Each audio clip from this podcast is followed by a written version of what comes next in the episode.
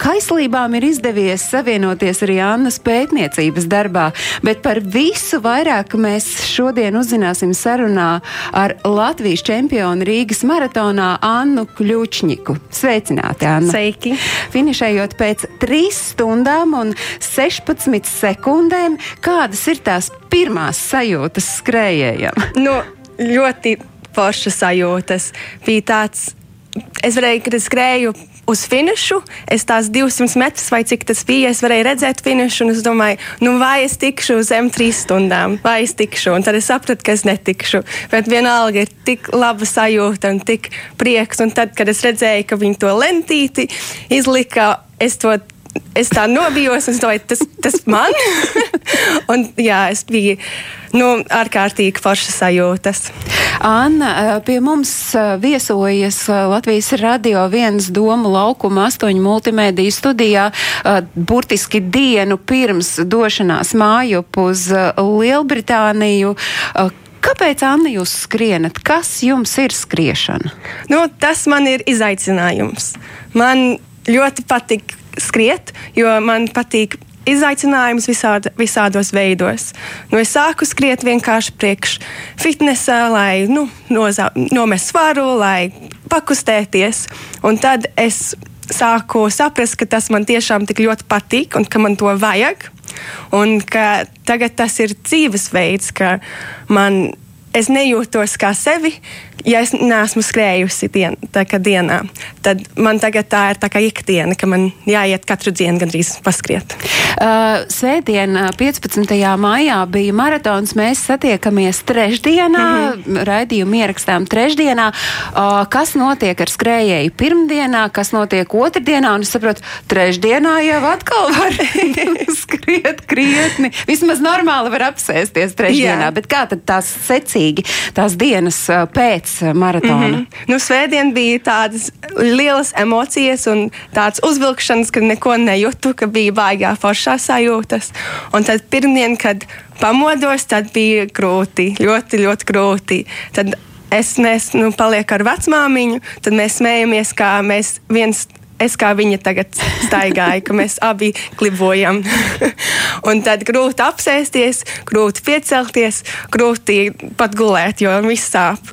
Bet tad pirmdien es kārtīgi pagulēju, atpūtos, otrdien vēl jau labāk, bija vienkāršāk, es tā mazāk kliboju. Un šodien jau tā nemanu, ka varu pastāvēt stundu. un kad var atkal skriet pēc uh, maratona, nu tādu tā treniņa režīmā Jā. skrējiens, kad kurā brīdī var notikt? Nu, es laikam kādu mēnesi tagad vēl tā treniņa režīmā neskriešu, es vēl atpūtīšos. Man jau tā gribās iet paskriet jau tagad, bet laikam kādu, nu, varbūt līdz svētdienas, sestdienas es pagaidīšu, neatļaušu sev iziet paskriet, jo tad var ievainoties. Tad varbūt nu, sākšu lēnām, lēnām skriet dažus kilometrus, un tad varbūt pēc mēneša jau sākšu domāt, nu, ka var atkal uzkāpt skriešanas un sākt domāt par nākošo mērķi. Starp citu, ko uh, Anna kā maratona uzvarētāja ēd brokastīs pirms skrējiena? Kas ir tas, kas ļauj tās trīs stundas uh, noskriet? Nu, mans mīļākais brokastis, ko uzēst, ir auzu pārslas putrajām. Nu, parasti ar banānu vai ar ievārījumu. Nu, vislabākais, protams, ir ar vecmāmiņas ievārījumu. Tad no rīta es nu, čemodānā arī ielekšu vecmāmiņas ievārījumus. Sen nav vecs vecmāmiņas ievārījums tad, eh, vai arī ar, ar, ar riekstu. Um, ar zemesriekstu sviestu. Jā, jā ar zemesriekstu sviestu arī man ļoti garšo. Tad jā, tas man ir ikdienā un it īpaši pirms skriešanas. Tā, tā mīlestība, ar kādu Anna runā par vecmāmiņu, tas liek domāt, ka jums ir tāda īpaša saikne. Par to es domāju, mēs šodien vēl redzījumā runāsim. Uh, par skriešanu tomēr vēl uh, cik un kādi ir tie maratoni, ko jūs, Anna, esat noskrējusi? Nu, Rīgas maratons bija mans tā oficiālais trešais maratons. Es arī tādu neoficiālu noskrēju pandēmijas laikā, kad gribēju kādu mērķi. Tad par um, Oksfordu, kur man vecāka dzīvoja, es tur noskrēju. Bet pirmais bija Amsterdamā 19. gadā, un tad oktobrī es Londonas maratonu noskrēju, un tad Rīgas bija trešais maratons. Uh, par ko skrējējis skrienot domā? Ko jūs, Anna, domājāt, uh, kas bija jūsu galvā šīs pēdējās, uh, pēdējā maratona 3 stundas un 16 minūtes? Nu, visādas domas. Ja, nu, sākumā bija eforija, ka tik forša, tik ideāls laiks, saule spīd jūtos ideāli, nu, esmu atpūtusies, baigā foršā sajūta. Domāju, nu, bet tad eh, pēc pirmā kilometra jāsaprot, nu, jālē, jāskrien lēnāk, jānomierinās.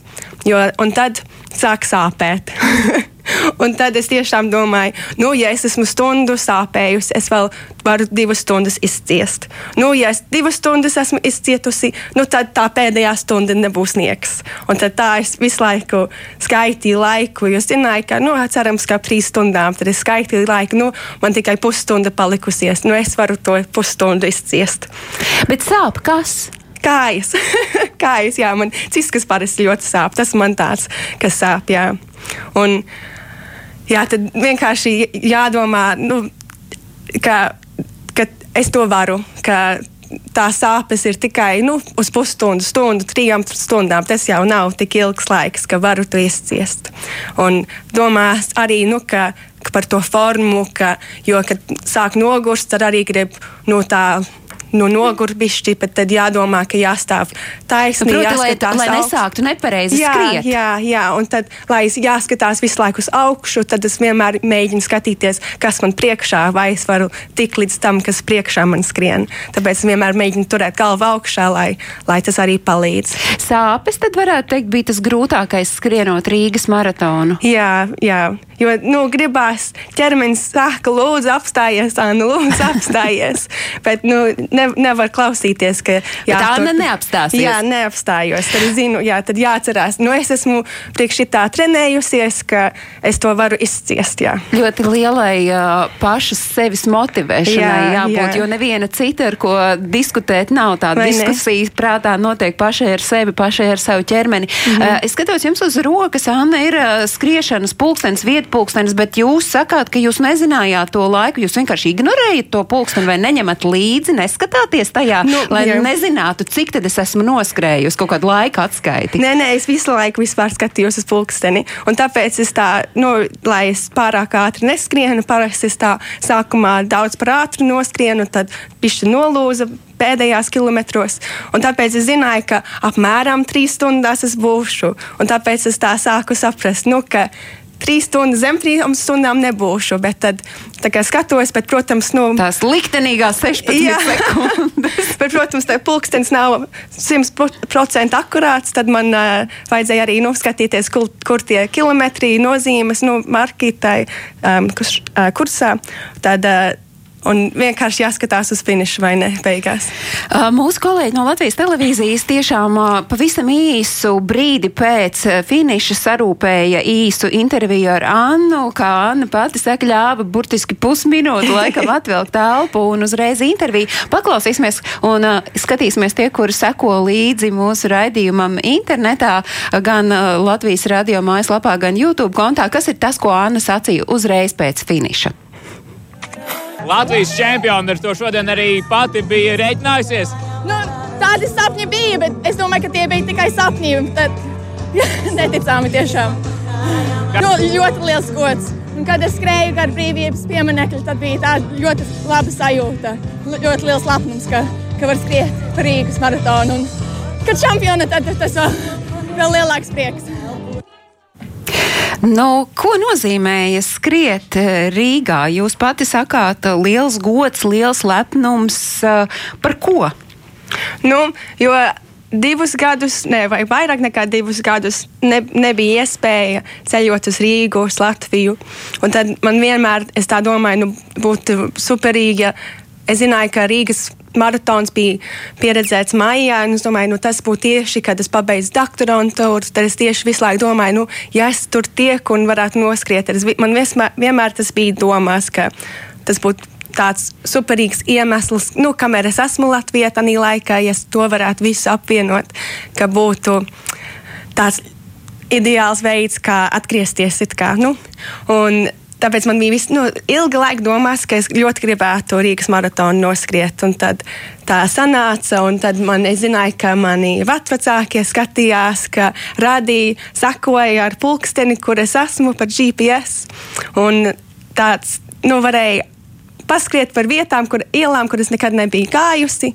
Un, nu, tā kā ļoti foršs veids, kā apceļot Rīgu. Uh, runājot par sapņiem, nu, protams, bija tāds sapnis, ka varētu uzvarēt maratonu. Starp citu, Annai līdzi ir arī medaļa un uh, var parādīt. Un jā, jā. rādot to medaļu par sapņiem runājot. Uh, Cik daudz un ko jūs uh, sapņojat? Kas ir tie Annas sapņi? Nu, sākumā bija no trīs gadus atpakaļ mans sapnis bija vienkārši izpildīt maratonu. Un tad es sapratu, ka vispār es protu diezgan ātri noskriet. Tad es, nu, mēs um, ar draugiem noskrējām Amsterdamas maratonu. Un tad mēs tikām uz tādu laiku, ka mēs varam tikt uz Londonas maratonu. Jo tur ir kaut kāds ierobežots jā. laiks, kādā tev ir jā, jāspēj noskriet, lai vispār varētu piedalīties. Jā, ja, ja ātrāk nekā no, no, normatīva laika, tad var, nu, var um, uzreiz tikt uz maratonu. Bet es par tiem sapņiem runājot, mm -hmm. jautājot, domāju, nevis tieši ar skriešanu, bet vispār dzīvē, kas ir Annas sapņi? Vispār dzīvē.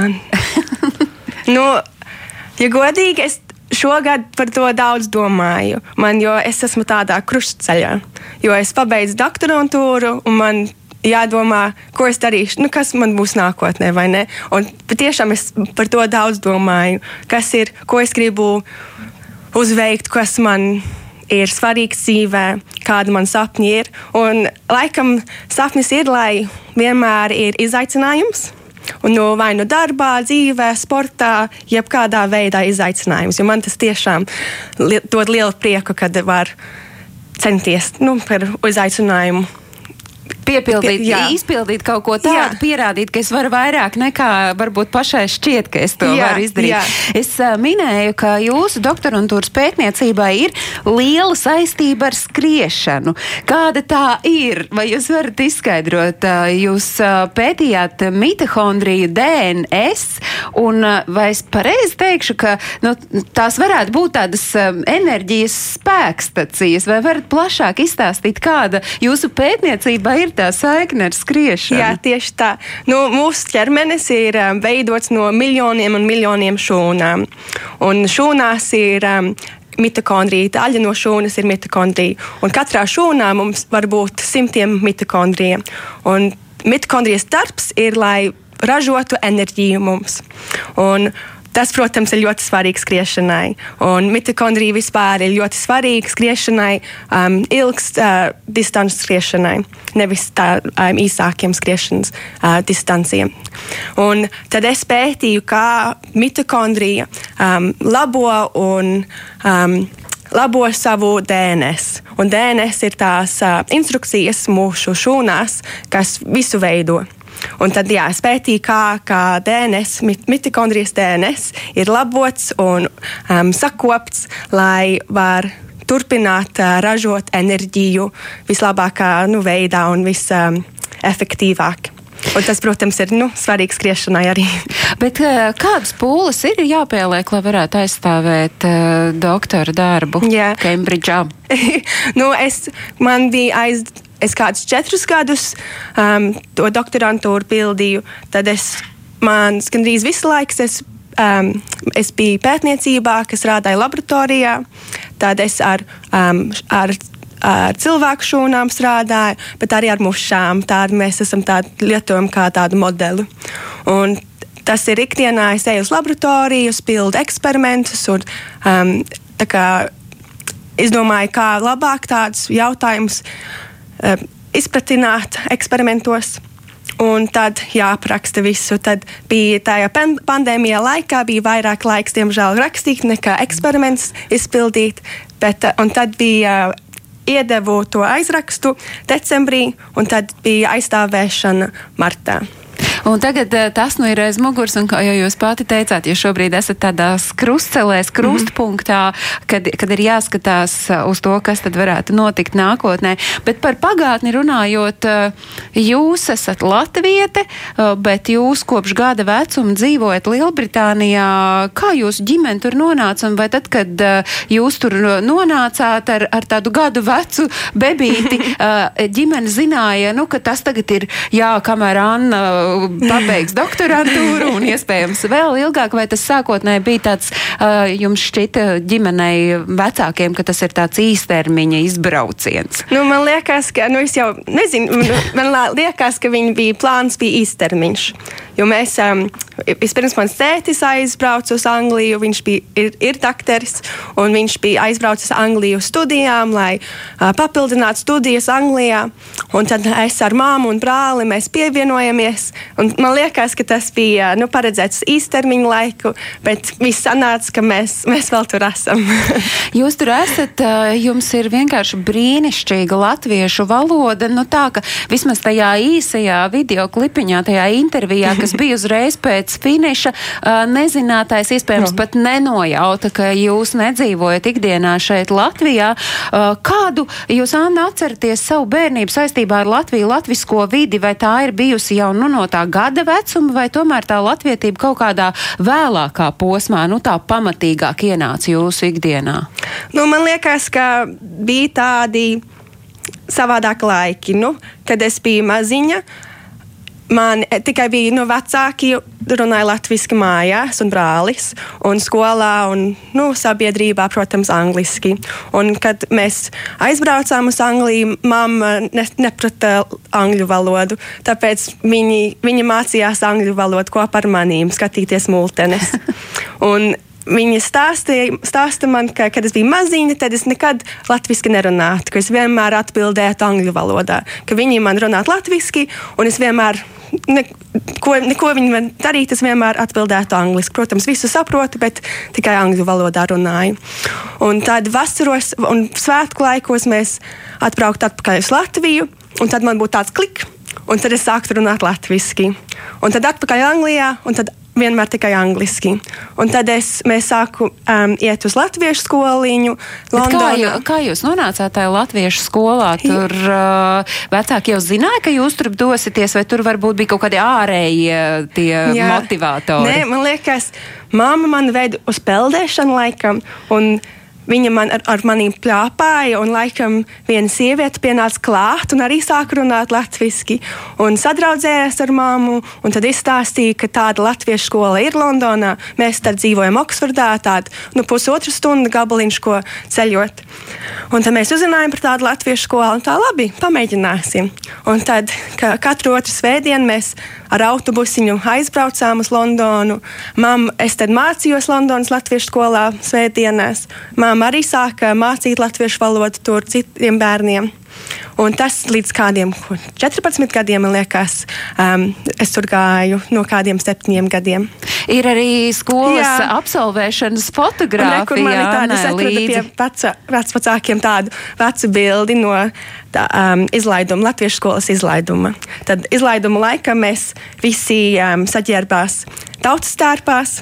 Es, es pat neatceros, no kā, kāds man. Um, iedeva to tautas tērpu nu, tikai tai dienai, lai um, uzvilktu, un tad visi tautas dēļas dējojām, dziedam, de, uh, visu vis kaut ko tā kā nu, uh, svinam. Jā. Bet nebija kaut kādā brīdī, to es parasti laikam jau ierastie klausītāji zina, prasa par to kaut kādā patsmitnieka vecumā protests, ka nē, priekš kā man to latvietību, Jā. vai man to vajag, ko es ar to darīšu. Man liekas, tas nebija patsmit gados, tas bija bišķi agrāk, ātrāk, nu, kad varbūt desmit gadi, deviņi, nu, kad jādara mājas darbs no parastās skolas, un tad arī jāpabeidz latviešu valodas mājas darbi. Nu, tas man ļoti nepatika. Un tad, kad svētdienās, protams, gribās izgulēties un slinkot, jāceļās. Jā, un jāceļās, jābrauc divas stundas uz Londonu, jāiet uz skolu no rīta. Nu, tas jā, bija grūti. Bet tagad esmu ļoti, ļoti priecīga. Un, pateicos vecākiem un mammai, ka viņi vilka man tur. Jā. Un tad, kad es biju vecāka, es jau um, no citām meitenēm tajā uh, latviešu skoliņā uzzināju par nometnēm, un tad jau sāku vasarās, vas, par vasaru um, iet nometnēs. Tad bija tāda Eiropas vasaras skolas. Tad katru divas nedēļas vasarā es tur biju. Un tad sadraudzējos ar ļoti daudz draugiem, un tad sāku saprast, nu, vispār ir baigi forši runāt latviešu, lai es varu arī ar viņiem iesaistīties un iemācīties jaunus vārdus. Jo, protams, no viņiem un tajā nometnē es jau iepazinos ar jauniem vārdiem, kur nu, ikdienā mājās nelietotus. Nu, jo Proti- mājās vai ne tik ikdienas vārdus lieto. Nu, un varbūt tā kā tumbiņas. Es nezinu, kas bija tumbiņas pirms nometnes. Nu, tā ļoti, vai ne tāds ļoti vienkārši, bet mājās, nu, droši vien angļu valodā mēs nosaukt. Tad, uh, tad es tā sapratu, ka man jācenšas, ka ja es tā vajag vienmēr. Mammai runāt latviešu, kad runāja nevis angliski, kā vienkāršāk, jācenšas un ka tas man palīdzēs dzīvē. Un tas man ļoti tāds bija tāds Tāds izmaiņa. klikšķis, Jā, jā, ka- Bet ir palīdzējis dzīvē tas, ka ir šī latviešu valoda. Man tā liekas, nu, nu, protams, man daudz bagātāka dzīve, jo man ir divas kultūras, kas ir nu, manī samaisīts, vai ne? Jo, nu, vai es jūtos, es jau neesmu. Jā, nu, tās, es esmu jau no Anglieta un arī Latvijas kopā, vai ne? Bet Es ar- parasti prasu, ā, kādā valodā sapņi ir. Parasti ir angļu valodā, bet, kad es esmu Latvijā ilgāku laiku, tad paliek jau latviešu valodā. Jā. Starp citu, par atrašanos Latvijā mēs jau sapratām, ka jūs dzīvojat pie saviem vecvecākiem. Mm -hmm. Vai vecvecāki arī ir viens no tiem motivatoriem apgūt latviešu valodu un palikt pie tās latviešu valodas? Jo citādi atbraucot pie vecmāmiņas, droši vien būtu tā, ka mm, žestu valoda varbūt varētu tieši palīdzēt. Tā. Jā, nu noteikti. Nu, Jā, man, man vecāki jau uh, angļu valodu neprot, tad man ļoti svarīgi, ka es labu latviešu val- valodu protu. Un man arī ir tāda tendence ļoti ātri runāt. Un tad vispār neko nevar saprast. Tāpēc man ļoti lēni, ļoti prātīgi jārunā latviešu valoda, lai vecāki var saprast. Un lai mēs varam sarunāties, lai viņi var izstāstīt man stāstus par viņu dzīvi. Un tad man draugs arī atbrauca līdzi no, no Anglijas, un viņš nesaprot. Nu, viņš cenšas latviešu valodu mācīties, bet viņam gan vajadzēja žestu valodā runāt ar viņiem. Uh, minējāt, ka jums patīk klausīties uh, jūsu vecmāmiņas dzīves stāstus. Cik svarīgi jums ir uh, tas, ka jūs zināt, kādi ir bijuši jūsu senču piedz, pieredze, piedzīvojumi, ko viņi ir pārdzīvojuši? Nu, ļoti svarīgi, protams, jā. Nu, jo Laikam arī tas ir, nu, kad vecums paliek viņš vecāka, kas saprot vairāk, cik svarīgi ir uzzināt visiem tiem stāstiem. Kad maziņi, tad vienkārši nu, var priecāties un um, nu, baudīt dzīvi, vai ne? Un tad, kad viņš vecāk paliek, tad saprot, ka jāklausās, ka varbūt jāpaprast kādi jautājumi arī, lai viņi at, atvērās un pastāst, kas, kas viņiem notikās dzīvē. Jā. Tātad Anna ir gājusi Latviešu skolā, absolvējusi Latviešu skolu Londonā, ir vasaras vidusskola, Eiropas vasaras vidusskolā dalī, piedalījusies. Divreiz divi nometnes mm -hmm. arī ir tas, kas ir nu, tāda neatņemama uh, ārpus Latvijas dzīvojoša jauniešu sastāvdaļa. Mm -hmm. Un tad vienā brīdī, kad jūs jau nu, esat izaugusi no tā, lai būtu audzēkni, jūs arī esat kā skolotāja darbojusies, nu kā Audzinātāja. audzinātāja. Jā, jā, tad es arī a, um, atgriezos uz Eiropas vasaras skolu kā audzinātāja. un Tas arī bija nu, ideāls nu, um, notikums, ka piedzīvojums, kā būt audzinātājai. Un, un tā, tā vienmēr brīnos, ka tie bērni arī skatās uz tevi un tā saka, o, tev tik laba latviešu valoda. Un es tā, "Bet, nu, nav tik laba, bet tā cenšos un jācenšas arī. Tad ļoti tāda forša sajūta un tāda nu, biedrība ļoti jauka. Kas ir tās bildes, ko mēs te tagad redzam? Tās ir no vasaras vidusskolas Jā, fotografijas fonā. Iet. Jā, mēs, um, es arī spēlēju flautu tur, tad mēs palīdzējām dēļas uh, klasēs, folkloras dēļas klasēs, lai viņiem, viņi var padējot ar dzīvo mūziku, ne tikai ar ierakstiem. Un tad mēs visu kaut kādas spēlītas uzspēlējām un um, nodarbības, un tad mēs uh, jā, tā ļoti daudz priecājāmies ar bērniem. Vai jūs, kad strādājāt par skolotāju, vai jūs arī to savu pieredzi varējāt nodot uh, tiem latviešu bērniem, kuri iespējams uh, tieši tāpat kā jūs ir gājusi cauri kaut kādai tādai, nu, sevis saprašanai, mm -hmm. kas tad es īsti esmu? Vai es esmu uh, apvienotās karalistes pilsonis, vai es esmu latviete? Mm -hmm. Vai tas jums pašai bija kaut kādas diskusijas ar sevi tajos 9, 10, 11, nezinu cik gados, un ka jūs to varat uz savu pieredzi iedot arī tiem saviem audzēkņiem, mm -hmm. ar kuriem strādājāt? Nu, man liekas, tas ir katram sevi jāsaprot vispār es tā nu, ar um, tiem audzēkņiem tā nesmu par to runājis. Tagad vairāk ar draugiem tā aprunājos. Bet man liekas, tas tiešām pats sevī to jāsaprot, jo katram ir savādāk uh, dzīves stāsts. Jo nu, man ir, es neesmu tik daudz cilvēku satikusi kā es, ka vecāki nu, kad ir, ir daži gadi, nu, viens gadiņš, kad pārbrauc. Daudzi no mani, maniem draugiem jau piedzima Anglijā, vai varbūt uh, viens vecāks ir no Latvijas, un otrs nav. Un, un katram ir tāds savādāks stāsts, un katrs varbūt jūtās vairāk kā latvietis, varbūt mazāk. Tāpēc man liekas, tas ir tiešām tā, kā, kā tas tiešām jāsaprot pats sevī, kā, kā tu gribi sevi nosaukt. Vai tu esi latvietis, vai tu esi no Anglijas. Vai, vai... Nu, bet tad, kad Anna jums jautā, ko jūs sakāt, kas jūs esat? Es saku, Latvija, jā. Bet, nu, kādreiz man ir kauns, jo cilvēki tā, bet tu neesi. Bet es tā, bet es esmu. jā, nu, tāpēc tiešām to jāsaprot sevī savādāk. Cilvēki to netic.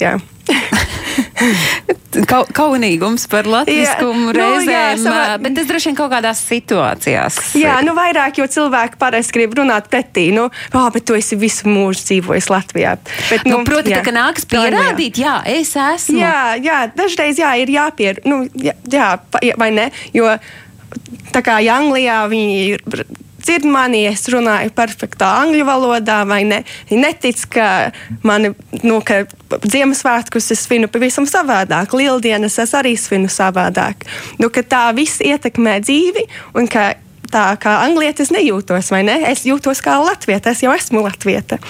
Starp citu, nu, šobrīd eh, tajā latviskajā sabiedrībā eh, Lielbritānijā jūs daudz rosāties. Es saprotu, ka, piemēram, Kembridžas universitātē ir uh, latviešu zinātnieku tāda biedrība, kur, kur, kur šie latvieši var vienkopus sanākt, jo jūs neesat vienīgā latvieta, kas studē mm -hmm. Kembridžā. Vai varbūt ir vēl kaut kādi veidi, kur jūs redzat, kur jūs iesaistaties? Mm -hmm. nu, tā, taisnīgi, tā kā es ma, daudz mazāk iesaistos nekā es gribētu, jo ļoti grūti apvienot laiku, lai atrastu laiku priekš visu kaut kā. Bet jā, Kembridžas universitātē ir um, biedrība, kur es šādi tādu aizgāju un pievienojos. Es atceros uh, pirmajā pirmais pasākums, kur es aizgāju, bija literatūras vakars. Un es tā nobijos. Jo, nu, es nebiju izlasījusi kādu latviešu grāmatu nu, skaļi izlasījusi kopš latviešu skolas, un tas tā ārprāts, kā es, kā es šo izdzīvošu. Bet aizgāju, izlasīju pantus, viss bija kārtībā, viss bija ļoti jauki, un omulīgi uzaicināja mani, bija baigi forši, jā, ļoti. Bet ko šī biedrība dara? Kāds ir tas viņu mērķis? Viņi tā kā pa, pa, vairāk pētniecībai pievērš, vai tā ir vienkārši tāda latviešu kopā būšana? Vienkārši latviešu, jā, man liekas, es ne, neesmu zinājis par zinātnieku, zinātnieku biedrību, bet tā vienkārši, lai kopšanas, kopā būšanas no visādām um, uh, prat, pa, pamatām, jā, ne tikai zinātnieki. Jā, tad nu, viss ir viens. Bet, uh, nu, labi, sacījāt, ka gribētu vairāk iesaistīties. Laika varbūt visam nepietiek. Mums iepriekšējā raidījumā šeit ciemos bija Eiropas Latviešu apvienības vicepriekšsēde mm -hmm. Karolīna Zobens īst, un tad es teicu, ka Anna nāks pie mums uz studiju. Viņa teica, jā, es Annu zinu, varbūt jūs redzat arī nu, kaut kādā dzīves posmā iesaistāmies arī tādās Latvijas latviešu uh, organizācijās, nezinu, piemēram, Eiropas Latviešu apvienībā vai, vai m, palīdzēt uh, latviešu zinātniekiem, vai jūs redzat, ka jums ir, nu tā, tā kabatiņa vēl ir tik Jā. daudz, ka jūs varat arī šai jomā darboties? Jā, man ļoti gribētos. Man vienmēr bija doma tāda, nu, um, piedalīties dejās, ka man ļoti patīk daudzas dejas, bet tas laikam pārāk daudz, nu, ka jāceļo, jādejo nu, bet man arī jāsporto. Bet jā, man ļoti gribās kaut kā iesaistīties un jāatrod to, to tieši to, kā to tieši ko iesaistīties, kā man, ko es varētu labāk iedot. Jo tagad mēs, es tagad dzīvoju bišķi tuvāk Londonai, tad būtu vienkāršāk iesaistīties visās tās uh, biedrībās un atrast tieši to, kas man vislabāk patikt un kā es varētu vislabāk palīdzēt. Jācer, kā Londonas latviešu dzīves tie rīkotāji un organizatori šo raidījumu klausoties izdomās, kur tieši jā, jā, jā. Pie, kurā Lūdzu. vietā ielikt Annas jā, spējas, spējas un jā, krāsnes. Vai jūs uh, redzat, ka jums varētu būt uh, profesionālā dzīve saistīta ar uh, Latviju? Vai jūs redzat, ka jūs arī kā zinātniece varētu būt šeit Latvijā? Varbūt, jā, jo nu, tagad es jūnijā sākšu jaunu darbiņu, kad būšu zinātniece um, startup kompānijā, ka mēs uh, darbosimies ar DNS labošanu, arī mainīšanu. Un es vienmēr biju tādas domas, kā, kā es varētu apvienot to ar um, iesaistīt Latviju vai um, savienoties kaut kā ar latviešu zinātniekiem. Tad man es tā esmu par to domājusi, bet grūti zināt, kā labāk to izdarīt un sasniegt. Jā. Bet, nu, būtu ļoti, ļoti jauki, bet tā grūti to visu izdarīt, vai ne? Jā. Uh, starp citu, Kembridžas Universitāte, kurā uh, Anna jūs esat studējusi, ir viena no senākajām universitātēm. Tā ir dibināta 1209. gadā. Un, uh, nu, valda tāds stereotips, ka šāda tipa Anglijas augstākās mācību iestādēs, nu, tur jau gadsimtiem ilgi mm. nekas nemainās. Tas ir, ir patiesība, vai tas ir stereotips, mīts un maldi? Nu, jā un nē. Tur, protams, ir tie stereotipi, um, ir tie, kas nu, visi, visas garie, garie ģimenes jau ir gājuši uz Cambridge, un, nu, un ka bērni un mazbērni un tā tālāk turpinās iet. Bet lielākā daļa, kas Kembridžā ir, ka ir pavisam normāli cilvēki no, no vis, visurienes, no visas dzīves gaitēm. Un, un grib klausīties jaunas idejas, un grib uzlaboties, un grib, lai viss att attīstās, un kā var mācīt labāk, un kā var pētīt labāk, un kā var arī to zināšanu dalīties plašāk. Tad tas ir ļoti svarīgi arī, nu, piemēram, kā var. Um, aiziet pie skolām, kas ir netik, varbūt netik labas, vai viņiem nav tik labi uh, nu, apstākļi, un kā varētu um, iedot to zinātni arī, arī tiem bērniem. Un kā lai viņiem arī ir lielākas iespējas, un ne tikai iespējas, bet idejas, ka, ka viņi arī var lielas lietas, lielas lietas sasniegt.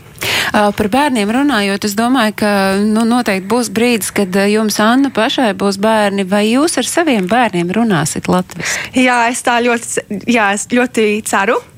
Es tā baidos, ka, ka es viņiem mēģināšu kaut ko labot, un viņi man teiks, ah, bet tu tā arī runā. Tad es nezinu, kā viņiem vajadzēs arī vest uz latviešu skolu, lai viņi var mācīties no citiem, ne tikai no maniem. nu, tad jau jums būs tā māmas pieredze, jā, jā. jāņem, kā bērnus motivēt, kā viņiem dot to iespēju būt latviešiem, jo, nu, Nu, ja tā jāsaliek pa plauktiņiem, mm -hmm. kas ir tas, ko jūs kā latviete esat nu, ieguvusi savā dzīvē, pateicoties tam, ka jā, ir šī latviešu valoda un ka jūs esat piederīgi Latvijai? Kas ir tie ieguvumi? Mm -hmm. nu, viens ieguvums ir vienkārši prieks, nu, ka var, ir, man ir vairāk ko svinēt, man ir Jāņi nu, var, nu, vienkārši ir foršāki nu, pasākumi.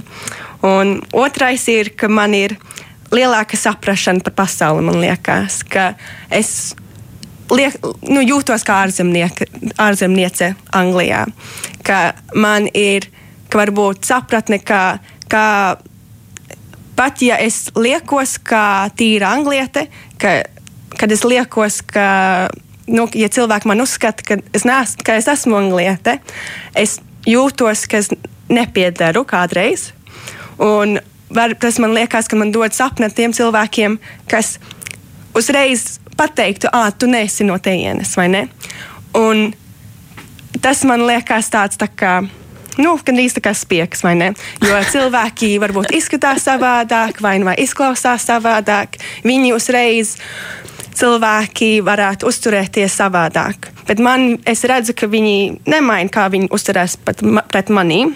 Bet... Un savukārt, ja, ja jūs sakāt, ka jūs Anglijā nejūtaties nu tā līdz galam kā Jā. savējā, kā tad ir atbraucot uz Latviju? Nu, arī nav tā galam, ne? jo es tā uztraucos par akcentu, par valodu, nu, un arī, nu, kā.